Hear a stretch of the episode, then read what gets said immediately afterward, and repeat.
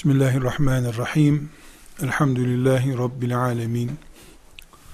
Ve salatu ve selamu ala Resulina Muhammedin ve ala alihi ve sahbihi ecma'in.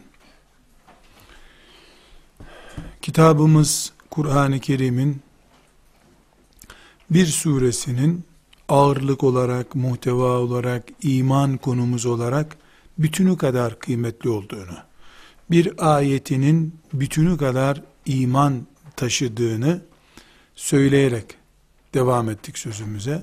Bunun için dedik ki Kur'an-ı Kerim'in bir suresinin bir ayetinin on defa, yüz defa, bin defa okunmasının, ezberlenmesinin, üzerinde dersler yapılmasının hiçbir sakıncası olmadığını bilakis bir ayeti iyice hazmedilmiş olsa Allah'ın izniyle tamamının anlaşılmasına bir e, katkı sağlayacağını söyledik.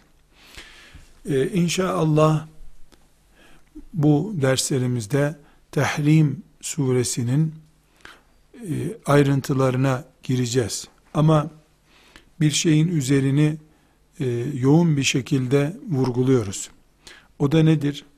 Tahrim suresi Kur'an'ın bir parçasıdır. Tahrim suresini Allah'ın kitabının içinden hükümler ihtiva eden ve bana hitap eden, aileme hitap eden, toplumuma hitap eden, mümin olarak benim cennetime, cehennemime sebep olacak büyük hükümler ihtiva eden bir sure olduğunu düşünerek yol almak zorundayız dedik. Bunun için yarın Tahrim suresini okuduğumuzda bu Tahrim suresi bana ne kadar etki edecek? Bugüne kadar analarımız, babalarımız, hocalarımız her suresini Kur'an'ın üç aşağı beş yukarı okudular. Tahrim suresini okudular. Ne kadar etkilendiler? Ben de ne kadar etkileneceğim? Benim yaşadığım toplumum, ailem ne kadar etkileniyor? Bunu küçük bir testle bilmemizde fayda var.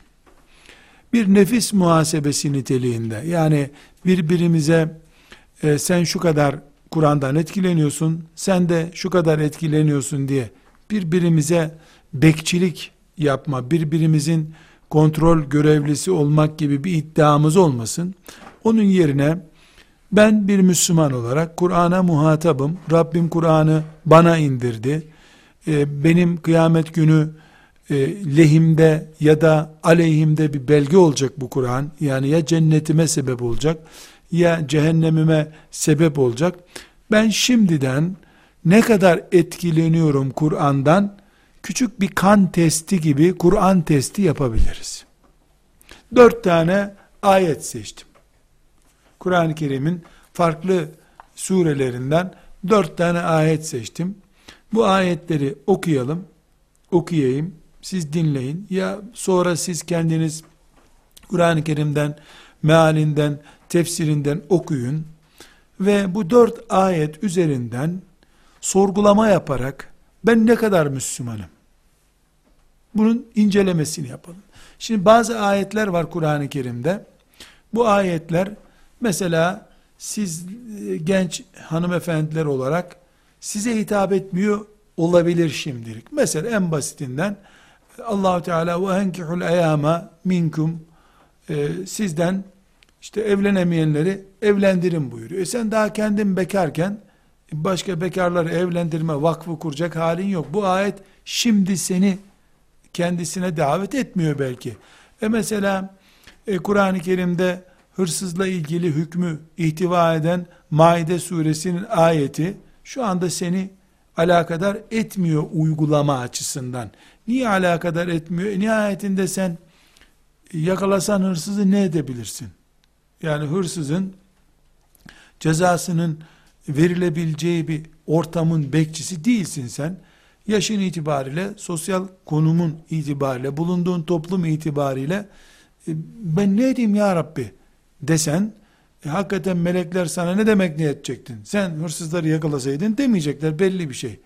E Kudüs, Mescid-i Aksa, Resulullah sallallahu aleyhi ve sellemin miraçgahı, E, git hadi tek başına ya da üç arkadaş birleşin kurtarın orayı dense yani bu benim içime sinmiş bir hasretimdir ama bunu uygulamayabilirim.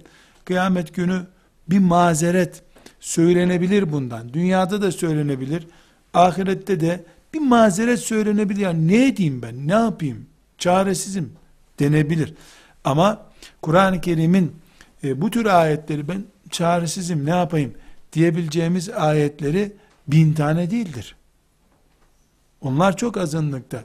İmanımızı, Müslüman kimliğimizi, şahsiyetimizi, kafamızdaki düşünce tarzını etkileyecek 18 e, yaşında, 28 yaşında, 38 yaşında hangi yaşta olursa olsun bali ve baliga olduktan sonra her Müslümanın muhakkak Allahu Teala'ya karşı e, mesul olacağı ayetler de var Kur'an-ı Kerim'de. Şimdi bu ayetlerden e, dört tanesini özellikle seçtim. Bunlar için başlık açalım. Ayetleri metniyle de yazalım. Mealini de arkasına yazalım. Ondan sonra mesela o yazdığımız yere şöyle bir yarım sayfa boşluk bırakalım. Dört ayete dört sayfa bırakalım hatta. Aklımıza yorum geldikçe onu altına düşelim. Ve sürekli e, bir yıl, beş yıl ömrümüz boyunca bu ayetler üzerinden kendimizi test edelim. Bu ayete bakıldığında ben ne kadarım? Şimdi bir insana pehlivan ne zaman deniyor? Bilek güreşi yapıyor, yendiği zaman deniyor. İşte güçlü ne zaman deniyor? Şunu kaldır dendiği zaman, kaldırabilirse deniyor. E, koşuyorsun, işte şu kadar metreyi koş bakalım deniyor.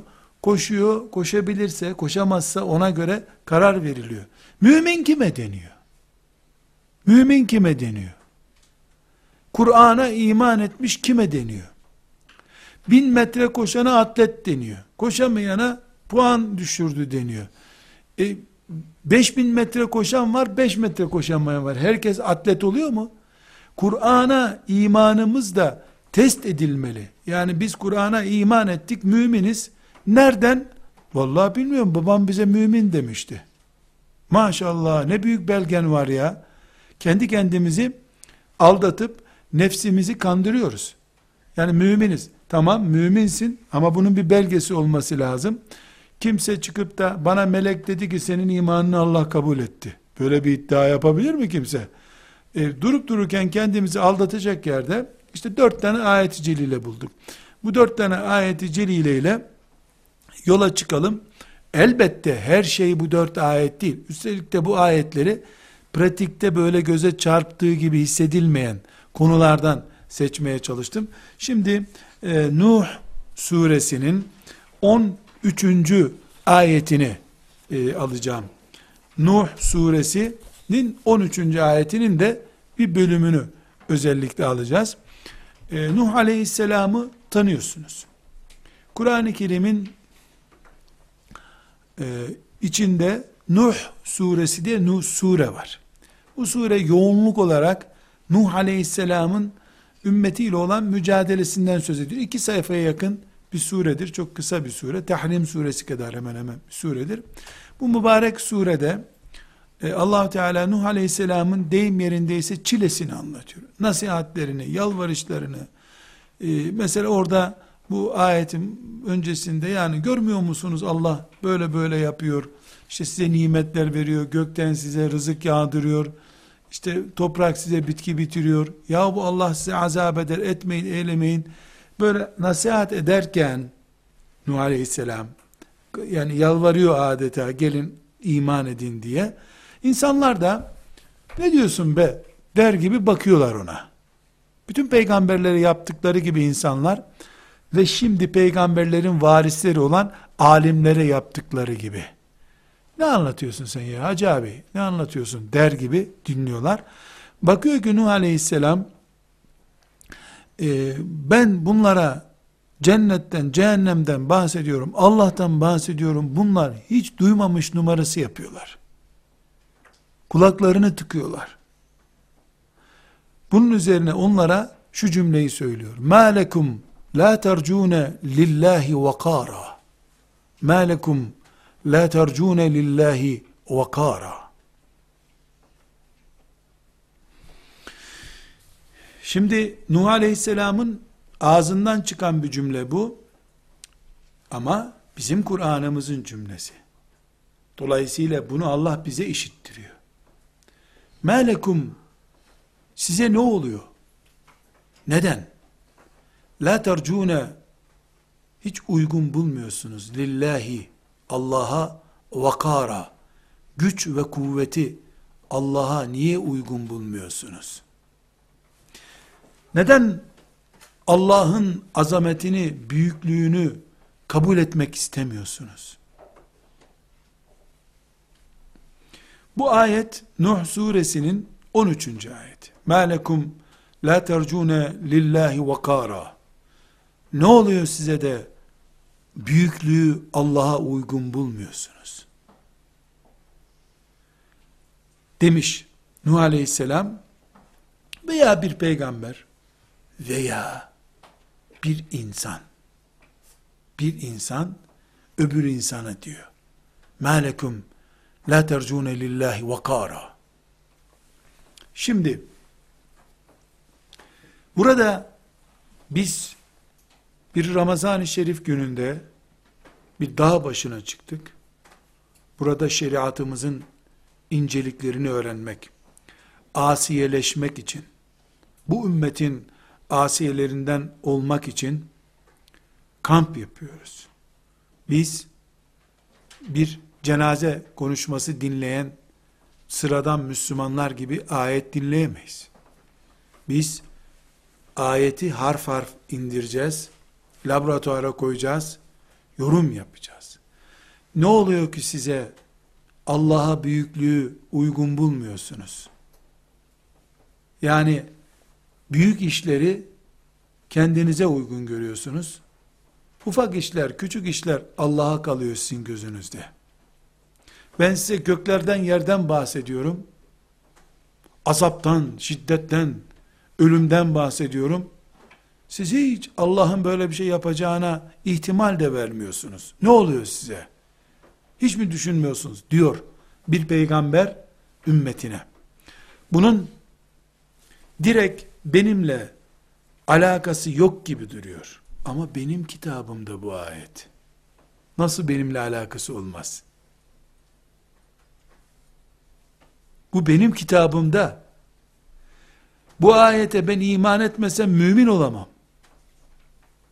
Benim cennetim ve cehennemim bu ayet. Firavun'un, Nemrut'un söylediği sözler bile Kur'an'da ise benimle ilgili onlar. Bana söylüyor bunları allah Teala. Şimdi malekum la tercune lillahi vakara ayeti ne oluyor ki size büyüklüğü Allah'a uygun bulmuyorsunuz? Sözünü Nuh aleyhisselam putperest bir kavme söyledi. Onlara bu söz uyarlandığında yani Allah sizi diriltemez mi zannediyorsunuz? şeklinde anlaşılabilirdi bu. Ama ben bu ayeti 21. asrı yaşayan yani Nuh Aleyhisselam'dan belki de 5000 sene sonra yaşayan ve camide namaz kılan ve hacca gitmiş bulunan ve hanımı tesettürlü bulunan ve Kadir gecesi kaçırmayan ve kandil geceleri şu kadar bu kadar ilave namazlar kılan Müslümanlar adına bu ayeti dinliyorum. Ma lekum la tercune lillahi vakara. Bu Nuh Aleyhisselam'ın kavmine söylendiğinde Allah sizi diriltemez zannediyorsunuz. Niye böyle zannediyorsunuz demekti bu. Şimdi öldükten sonra dirilmeye iman edenler bu ayeti okuyorlar. Ama onlar iyi, zeki kızlarını İslam şeriatı, Kur'an, fıkıh eğitimine veremiyorlar. Çocuğa yazık olur diyorlar.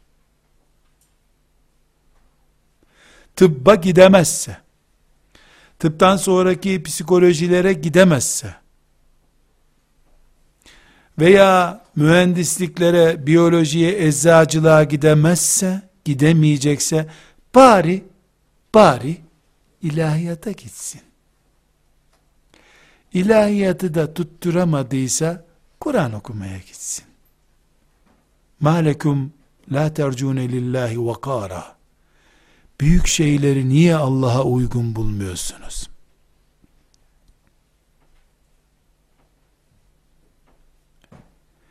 Bu ayet bugün okunduğunda böyle düşünülmesi gerekiyor.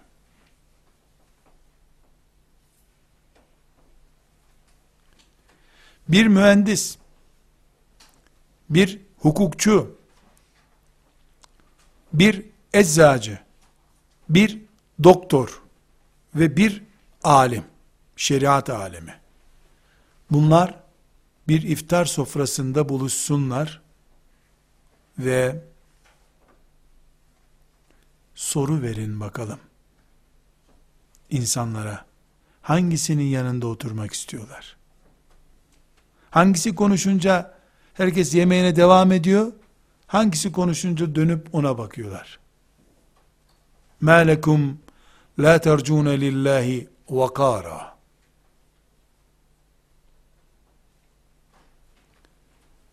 Dünyevi meslekler şeriat mesleklerinin üstünde tutuluyor.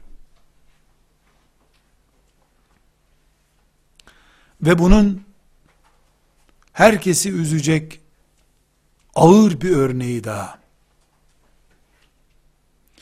Filan işi yap, sana yüz dolar veya Allah'ın bir sevabı hangisine talip oluyor insanlar? Kaç sevap yüz dolar eder tercih edilmek için? Ma lekum la tercune lillahi vakara. Bu ümmet için bu demektir. Nasıl Allah'ın sevabını dolardan hafif bulursunuz? Ma lekum la tercune lillahi vakara. İşte bu ümmetin Müslüman kadınları olmak başka şey, bu ümmetin asiyeleri olmak başka şeydir. Bu ümmetin Müslümanlarından, müminlerinden biri olursan, Nuh aleyhisselam ümmetine dedi ki, Allah sizi diriltemez mi? Niye, niye Allah'a inanmıyorsunuz dedi deyip rahatlarsın. Doğru tercümesi böyle bu ayetin. 5000 sene önce yaşamış bir kavmi sana Allah niye anlatsın ki? Madem seninle ilgisi yoktu bunun. 100 dolar dendiğinde yerinden sıçramıştın. Şu işi yapana Allah 10 hasene, 10 sevap veriyor dendiğinde dönüp bakmadın bile.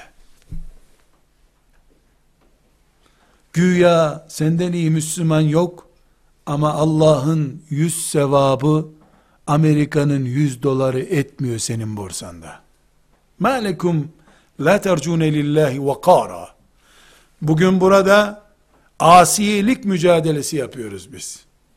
İnşallah bu asiyelik mücadelesi bu ayeti bugünkü hayat tarzımıza yorumlamamızı gerektiriyor. Dört ayet seçtim dedim. Bir tanesi bu. Nuh suresinin 13. ayeti. مَا لَكُمْ لَا تَرْجُونَ لِلّٰهِ وَقَارًا Ve siz hanımefendiler, erkeklikleri, ekonomileri, güzellikleri eşit olan, iş ekonomisi eşit olan iki evlilik adayından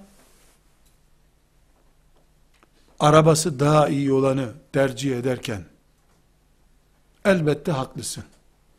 Takvaları aynıysa Allah korkuları aynıysa namazları, ibadetleri aynıysa fakirlikleri, zenginlikleri aynıysa ve güzellikleri, beğendiğin yakışıklılıkları aynıysa arabası iyi olanı tercih ederim. Bu ne ayıptır, ne günahtır, ne asiyeliğe engeldir. Ama birinin maddi imkanları fazla, babası üstte bir bürokrat, fakat takva değil. Öbürü takva, fakat forsu yok. Tercihi eğer sen zenginden, forsudan yana yaparsan, مَا لَكُمْ لَا تَرْجُونَ لِلّٰهِ vakara ayetini oturmak, düşünmek, okumak zorundasın. Burada bir örnek daha. مَا لَكُمْ لَا تَرْجُونَ لِلّٰهِ vakara Yaşlı, genç, bütün kadınlara, sakallı, sakalsız, bütün erkeklere, bu ayetin haykırılması gereken bir boyutu daha var. Üç tane sarhoş, İngiltere'de, Fransa'da oturdular, sarhoş, zil zurna sarhoş, aba ecdadı sarhoş, demokrasi bilmem ne diye bir sistem geliştirdiler. Bu insanlığın umudu oldu. Aman taviz vermeyelim demokrasiden dendi.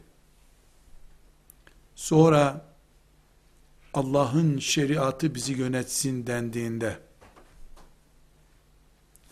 nasıl idare edecek ki şeriat bizi diyen bir Müslüman şeriat ne demek diye sorduğunda Allah'ın dini demek.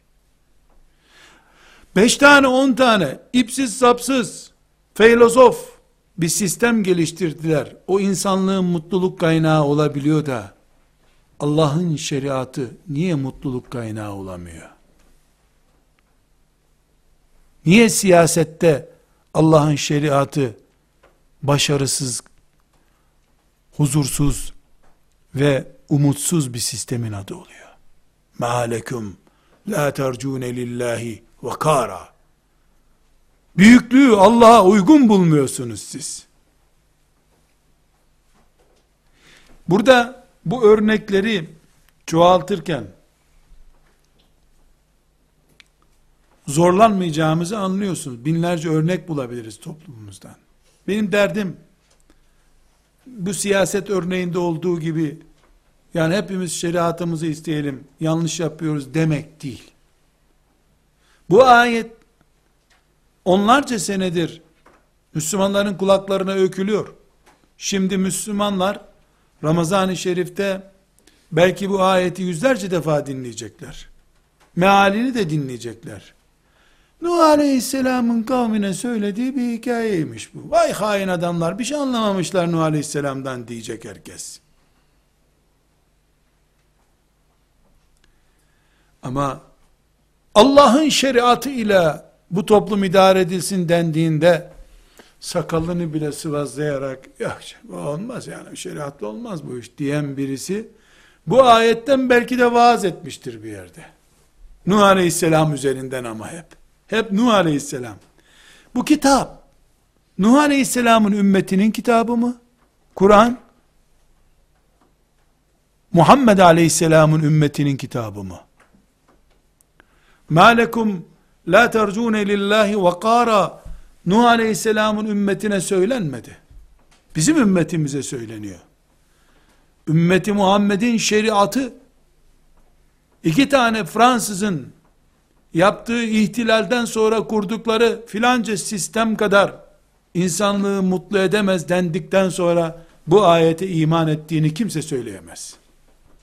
Bu ne biçim iman ya? Allah'ın şeriatı Allah'ın kullarını mutlu edemiyor. Kralın zulmünden kaçarken uyduruk bir devrim yapmış iki tane Fransızın demokrasisi insanlığı mutlu ediyor. Ma lekum la tercune lillahi ve kara. Nasıl Allah'a büyüklüğü uygun bulmuyorsunuz siz? Buradan kitabımızı ne kadar derin anlamamız gerektiğinin örneğini çıkarmaya çalışıyorum. Konumuzda asiyelikle bir ilgisi yok ayetin direkt olarak. Ama asiye ayetini de anlamamız için önce kafamızın hazır olması lazım.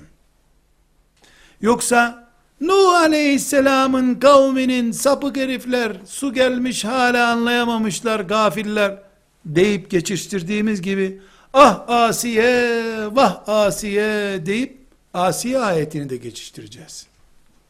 Niye Allah bunu örnek veriyor? Bunu anlamak istemeyeceğiz.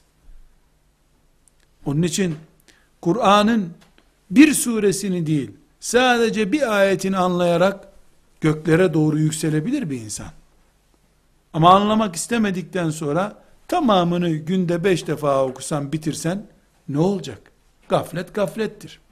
Nuh suresinin bu 13. ayetini bu şekilde hafızamıza naklediyoruz. Hac El-Hac suresinin 34. ayeti. El-Hac suresinin e, affedersiniz 32. ayeti. Rakamı gözlüksüz göremedim. وَمَنْ يُعَظِّمْ شَعَائِرَ اللّٰهِ فَاِنَّهَا مِنْ تَقْوَى الْقُلُوبِ وَمَنْ يُعَظِّمْ شَعَائِرَ اللّٰهِ فَاِنَّهَا مِنْ تَقْوَى الْقُلُوبِ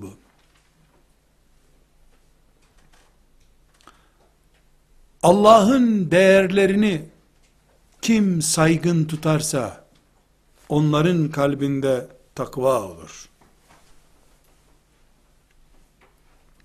Allah'ın değerlerini Allah'ın dinine ait mukaddesatı kim saygın tutarsa onun kalbinde takva var. Takva budur. Takva ne peki? Allah'tan korktuğunun belgesi. Bir insanın takva olması, Allah'tan korkar olarak yaşıyor olması demektir. Allah'tan korkan da yanlış yapmaz, yapmamaya çalışır demektir. وَمَنْ يُعَظِّمْ شَعَائِرَ اللّٰهِ فَاِنَّهَا مِنْ تَقْوَ الْقُلُوبِ Bunu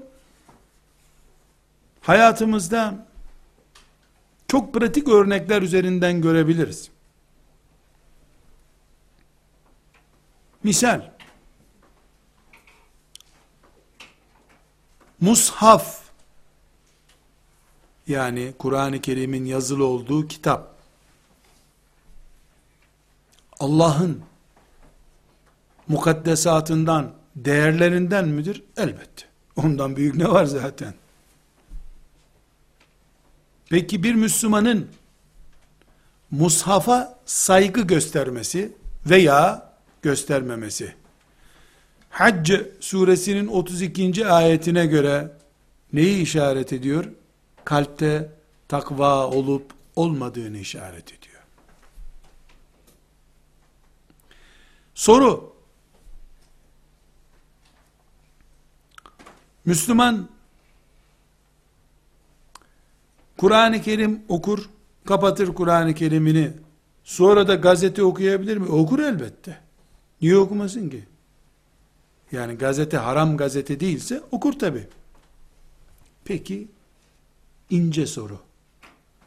Musafı koyduğu masanın üstüne, yanı başına da gazetesini koysa, bu gavur olmak mıdır? Haşa, değildir. Haram mıdır? Değildir. Zaten Müslüman necis gazete okumaz. Necaset gazete okumaz.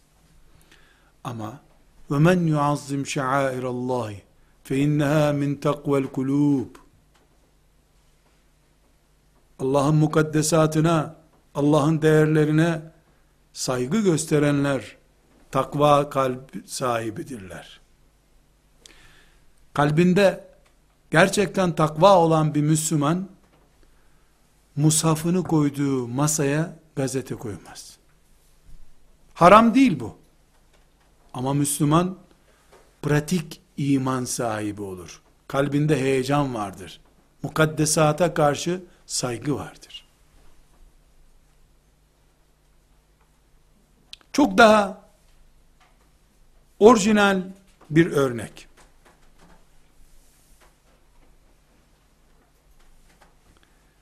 Müslümanlar peygamberlerini Allah'ın elçisi olarak görürler.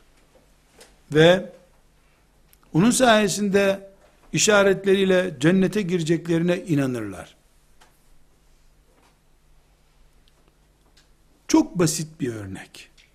İlkokul çocuğuna sorulsa cevabı hazırdır. Allah peygamberini seviyor. O kadar seviyor ki ey Muhammed diye çağırmıyor onu Kur'an'da. Adını bile söylemiyor Allah. Allah peygamberine bu kadar sever ve alaka gösterirken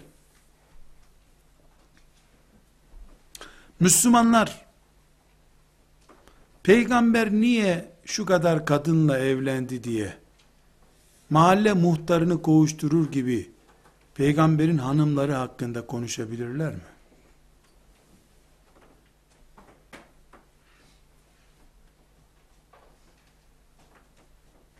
Peygamber aleyhisselamın yaptığı işleri mahalle muhtarının yanlışlarını bulup konuştur gibi bulup konuşturabilirler mi? Yaparlarsa ne olur?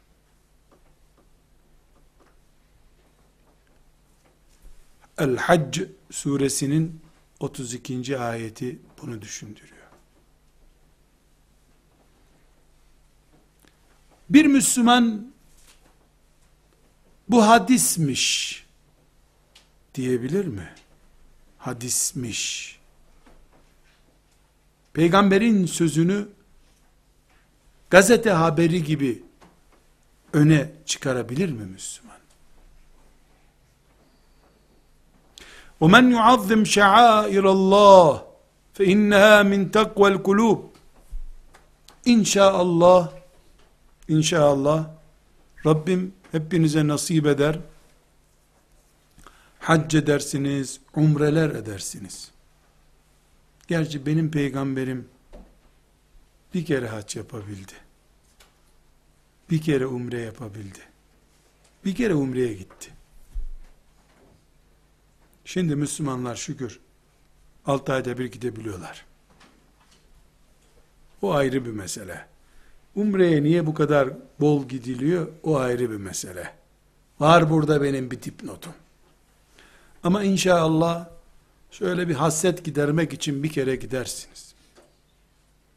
Beytullah'ın etrafında tavaf ederken veya Ravzatül Mutahhara'da Resulullah sallallahu aleyhi ve sellemin kabri şerifinin başında dururken gerçekten umreye gitmiş birisi cep telefonunu çıkarıp hatıra fotoğrafı çekebilir mi?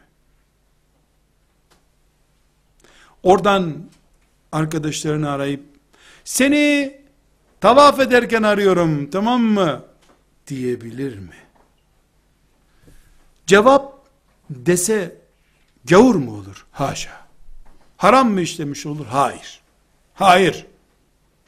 Haramları, helalleri konuşmuyoruz. Yüreği dolduran saygıyı konuşuyoruz. O men yuazzim şa'ailallah Allah'ın mukaddesatına saygı gösterenlerin kalpleri takva ile doludur Allah buyuruyor.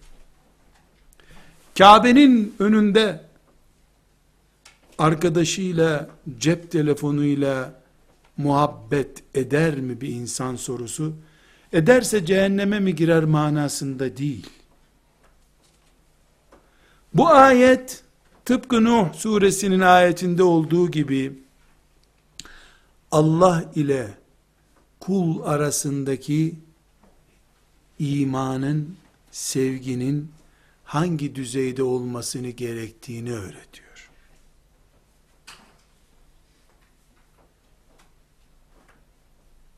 Bunu mushafa saygıda, Peygamber aleyhisselamın zatına, ismine, sünnetine, hadisine saygıda, Kabe'ye saygıda, hatta ve hatta camiye girerken saygıda,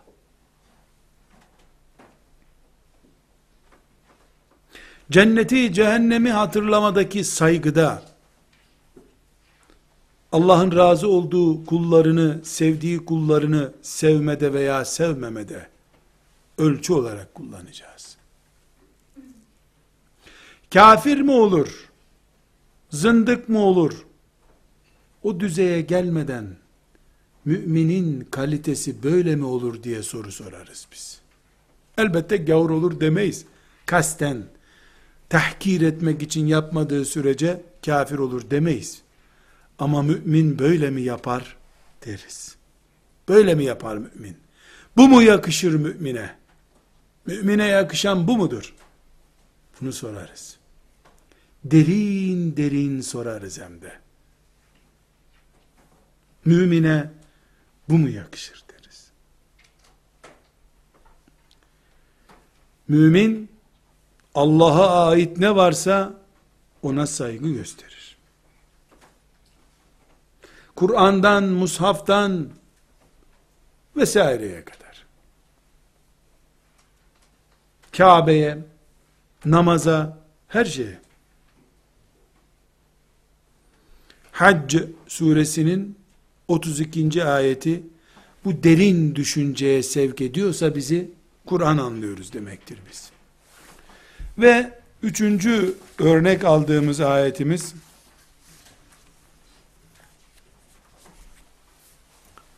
A'raf suresinin 33. ayeti.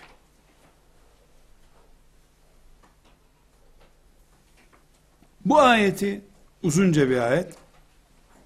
Beraberce tefekkür edelim.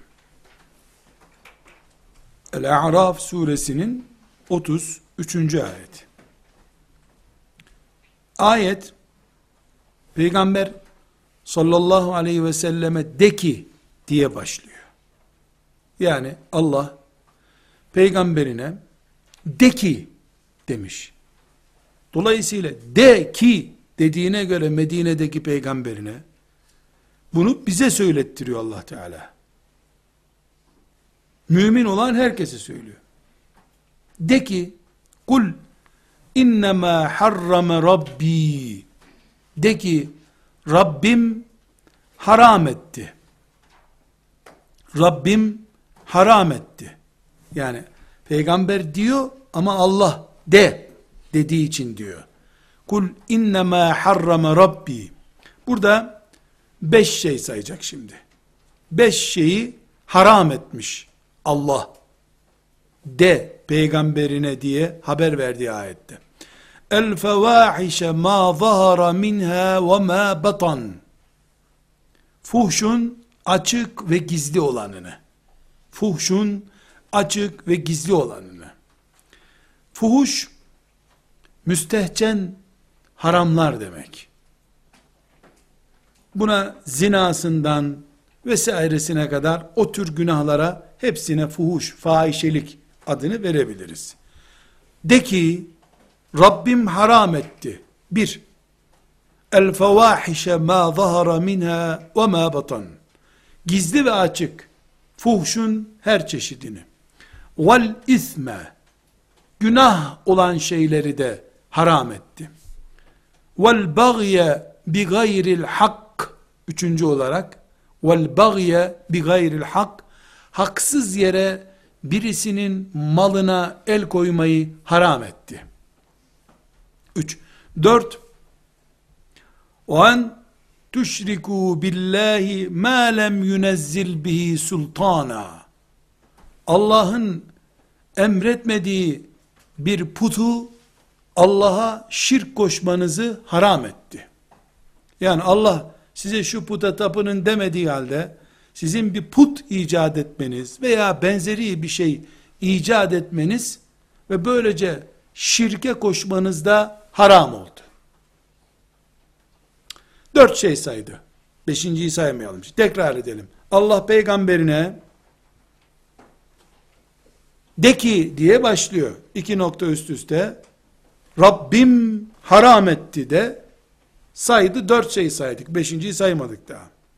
Biz Tahrim suresini okumadan onu okuyunca süngerin suyu emdiği gibi o ayetleri emip ciğerlerimize, beynimize, kalbimize nüfuz ettirmek için şöyle bir dört ayet üzerinden ne kadar Kur'an bize nüfuz edebiliyor?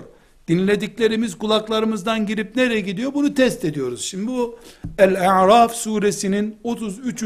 ayetinde bunu test etmeye çalışıyoruz. Rabbim haram etti. Bir, açık gizli bütün fuhuş çeşitlerini. İki, günah olan her şeyi.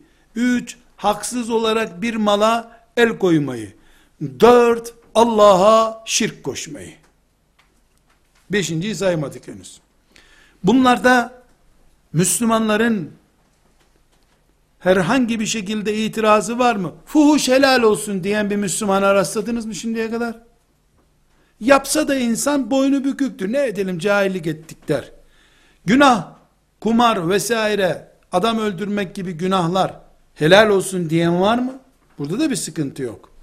Mala el koymak, çalmak helal olsun diyen var mı? Öyle de bir şey yok. Şirk uygun bir harekettir. Getirin lat uzzayı tapınalım diyen bir Müslüman gördünüz mü? Yok. Dolayısıyla El-A'raf suresinin 33. ayetinde de ki Rabbim haram etti.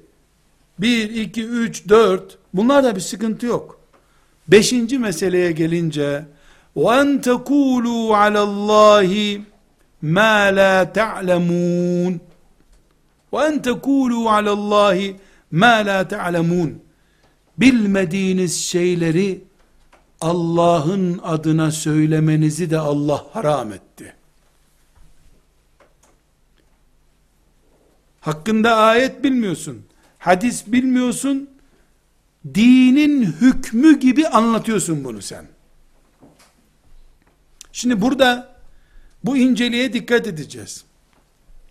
Yukarıda sayılan şeylerde birisi çıksa yahu kumar e, normal olarak e, devlet de izin veriyor zaten e, kumar ekonomiye destek olsun filan dese biz onun cenazesini kılmayız. Kumarı helal yaptığı için.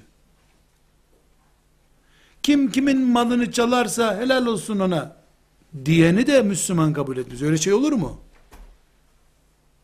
Sizler mesela kültürlü hanımefendi olarak çıkıp birisi bu sayılan dört şeyden bir tanesini boş ver önemli değil dese Müslüman kabul eder misiniz onu?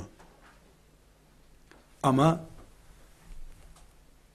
Allah'ın şeriatını, vahyi, Kur'an'ı, sünneti bilmediği halde insanlar bana göre bu uygundur, caizdir derken niye onu zina gibi büyük suç kabul etmiyoruz? Kimsin sen?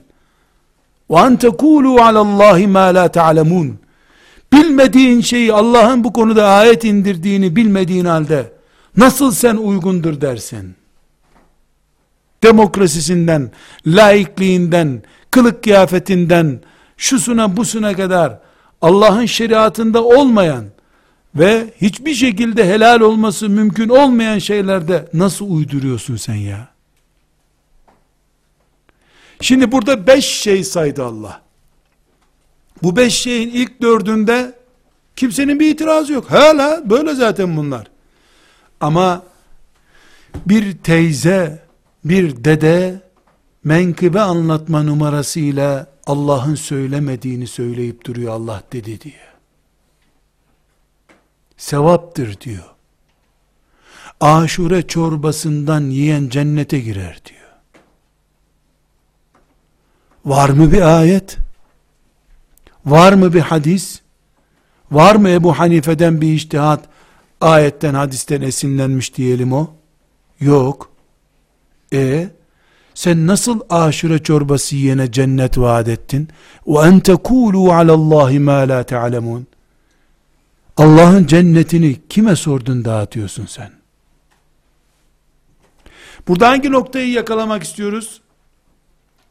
Zina dedin mi herkes onu kötü görüyor.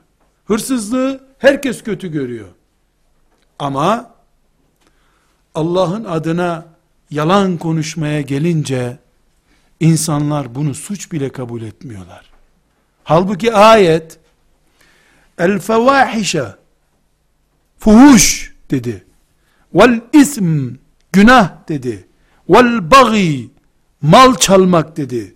Ve en tüşriku şirk dedi. Ve en tekulu alallahi ma la ta'lemun.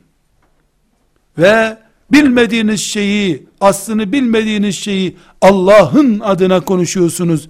Sakın bunu yapmayın, haramdır dedi. Filan işi yapana cennet. Filan işi yapana firdevs. Ne yapıyorsun sen? Hatta ve hatta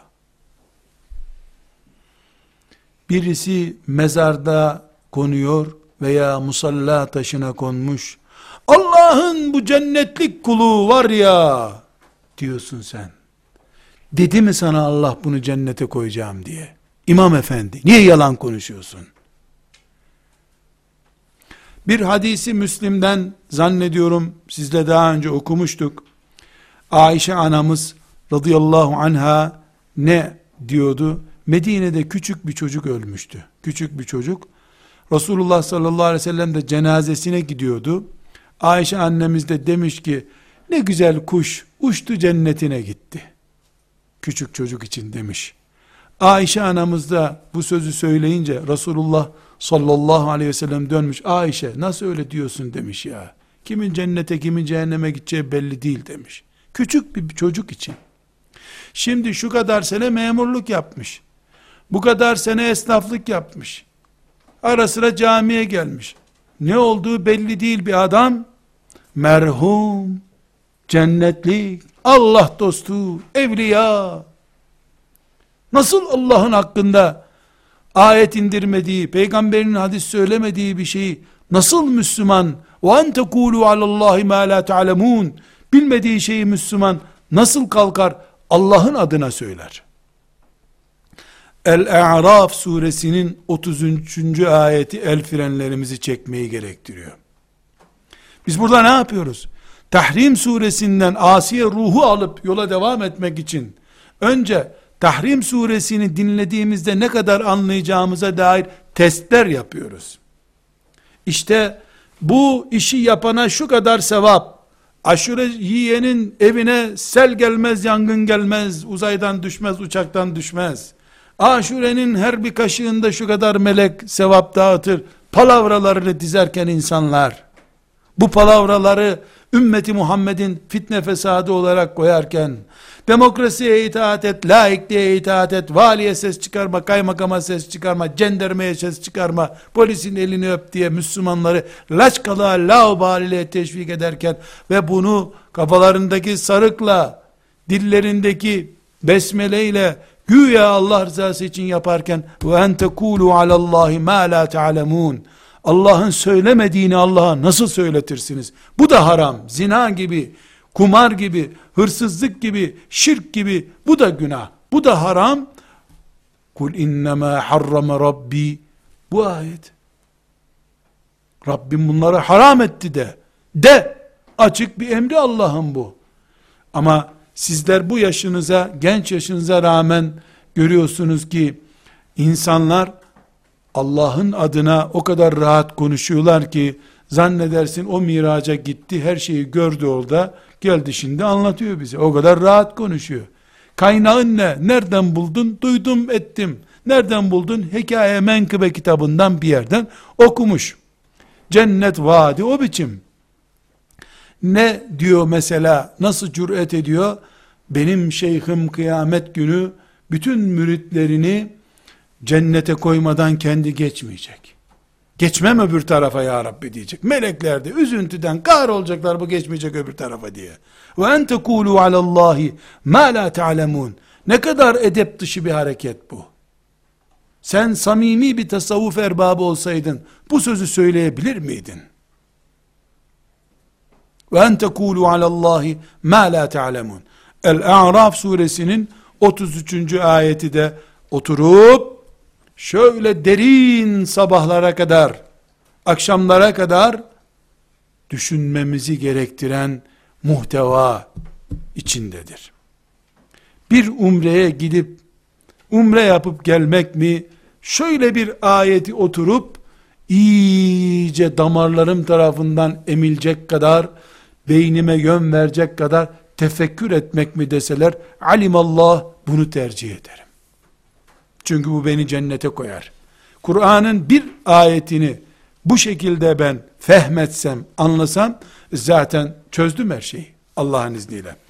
Dördüncü ayet, hepimizin bildiği, İnşirah, El-İnşirah suresinin ayeti. Hiçbir tanenizin ezberinden e, kaçmamış bir ayet çocukluktan beri bildiğiniz. فَاِذَا فَرَغْتَ فَانْصَبْ فَاِذَا فَرَغْتَ فَانْصَبْ وَاِلَى رَبِّكَ فَارْغَبْ El-İnşirah suresinin bildiğiniz Elem neşrah leke sadrak diye başlayan surenin mübarek ayetlerinden biri. فَاِذَا فَرَغْتَ bir işi bitirince fansab işe koyul. Bir işi bitirince işe koyul. Ve ila rabbike fergab ve Rabbine koş. Bir işi bitirince işe koyul. Ne demek işi bitirince işe koyul? Bir işten sonra hemen öbür işe gir.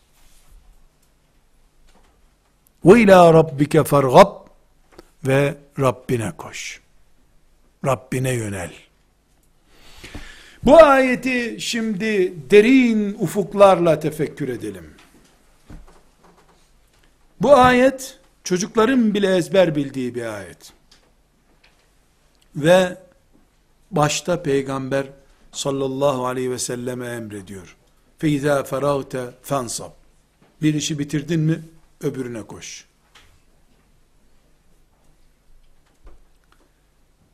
Şimdi ben derin sorular sorayım. Namaz kıldırmak, Kur'an öğretmek vazifeli olan bir hoca emekli olabilir mi sizce? Feyza ferate fansab ayetini bin çocuğa ezberletmiştir. Ama günüm doldu deyip emekli oluyor. Evinin kenarında balkonda çay içiyor. O mahalledeki imam hatipte de Kur'an öğretecek öğretmen bulunamıyor. Bu da emekliyim diye evinde oturuyor. Feyda feragte fansab ayetini de bin defa okutmuştur talebelerine. Anlamış mı sizce Kur'an'ı bu?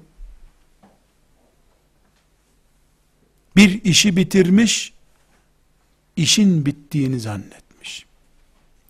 Başka bir örnek. Feyda feragte fansab. Bir işi bitir öbürüne devam et. Ayeti. Uygulandığında bir kadın çok güzel tesettürü var. Maşallah. Bu bir işti. Tesettür bir işti. Tesettürü başardı. Sonra e, e maşallah tesettürlü. E sonra e tesettür. Fansap ne oldu? Öbür işe devam et ne oldu? Müslüman bir iş yapıp selamun aleyküm hadi eyvallah mı? der. Bir işten sonra öbür işe mi devam eder? Müslüman zincirleme işleri devam eden insandır. Ve ila rabbike fergab. Allah'a koşarken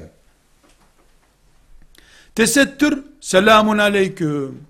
E sonra aleyküm selam. Bitti. Hatmettik Kur'an'ı eyvallah ve ila rabbike fergab feyza feragte fansab. Feyza feragte fansab. Hani bakın size çok cazip bir örnek vereyim. Hatim indirdiyseniz eğer dikkat ederseniz Nas suresi Kur'an-ı Kerim'in son suresidir. Minel cinneti ve nas. Sadakallahu azim Kur'an biter. Hatim dinlediyseniz, kendiniz de yaptıysanız, hemen Fatiha suresi ile Bakara suresinin ilk ayetleri okunur. Velhamdülillah Rabbil Alemin el Fatiha ondan sonra dua yapılır. Niye biliyor musunuz? Hatim bitirdin bir iş bu. Feyza feragte iş bitirdin. Fansab öbür işe koş. Hatim bitti eyvallah. demiş gibi olmayasın diye yeni hatmin hemen ilk bölümünü okuyorsun. Devam ediyorum ya Rabbi fansab uyuyorum ben demeye getiriyorsun. Onun için hatim duasına Fatiha'dan ve Bakara suresinin ilk ayetlerinden okunarak El Fatiha denip hatim duası yapılır. Feyza feragte fansab bu demek. Çocukluktan beri biliyorsun ama adam oldun, kocaman oldun, hala fansap yok sende. Tesettür, selamun aleyküm. Hani İslam? E tesettür. Sonra e tesettür.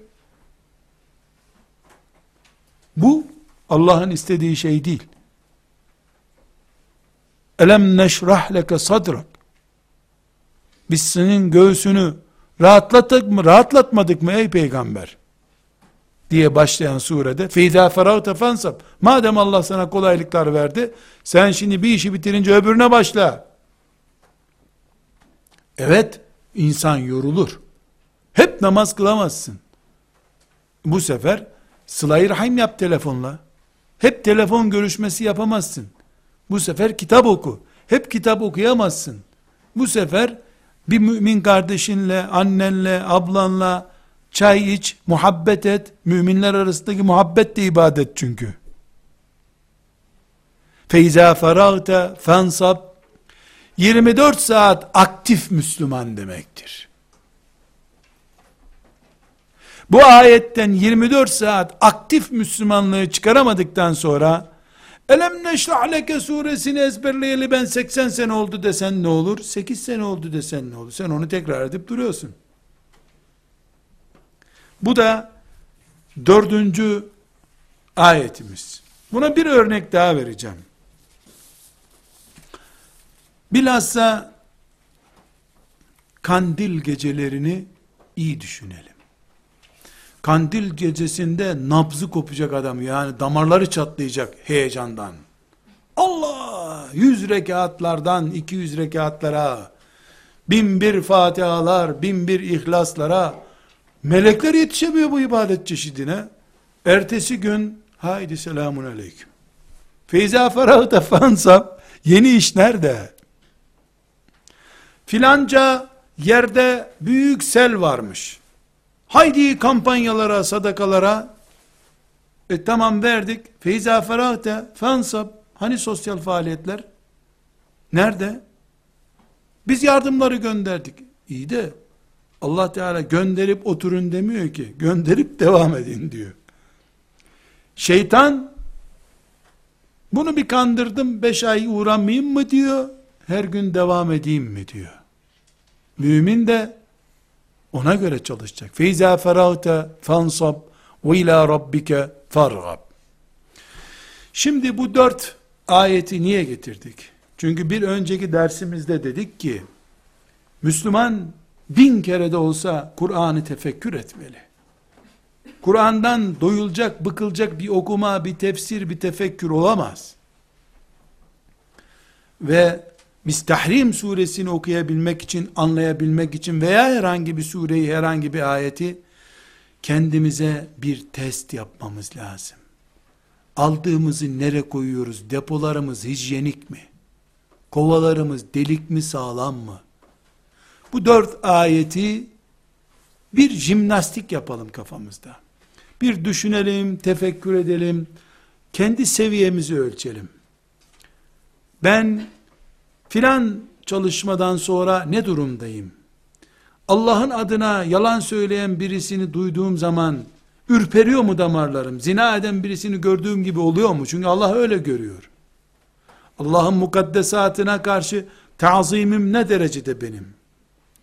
مَا لَكُمْ لَا تَرْجُونَ لِلّٰهِ وَقَارًا dendiğinde ben ne durumdayım? Bunu tefekkür edelim. Bu tefekkürümüz Allah'ın izniyle Kur'anlaşma, Kur'an'la adım atma sürecinde bizi hızlandıracaktır. Biiznillahü Teala. Ve sallallahu ve sellem ala seyyidina Muhammedin ve ala alihi ve sahbihi ecma'in velhamdülillahi rabbil alemin.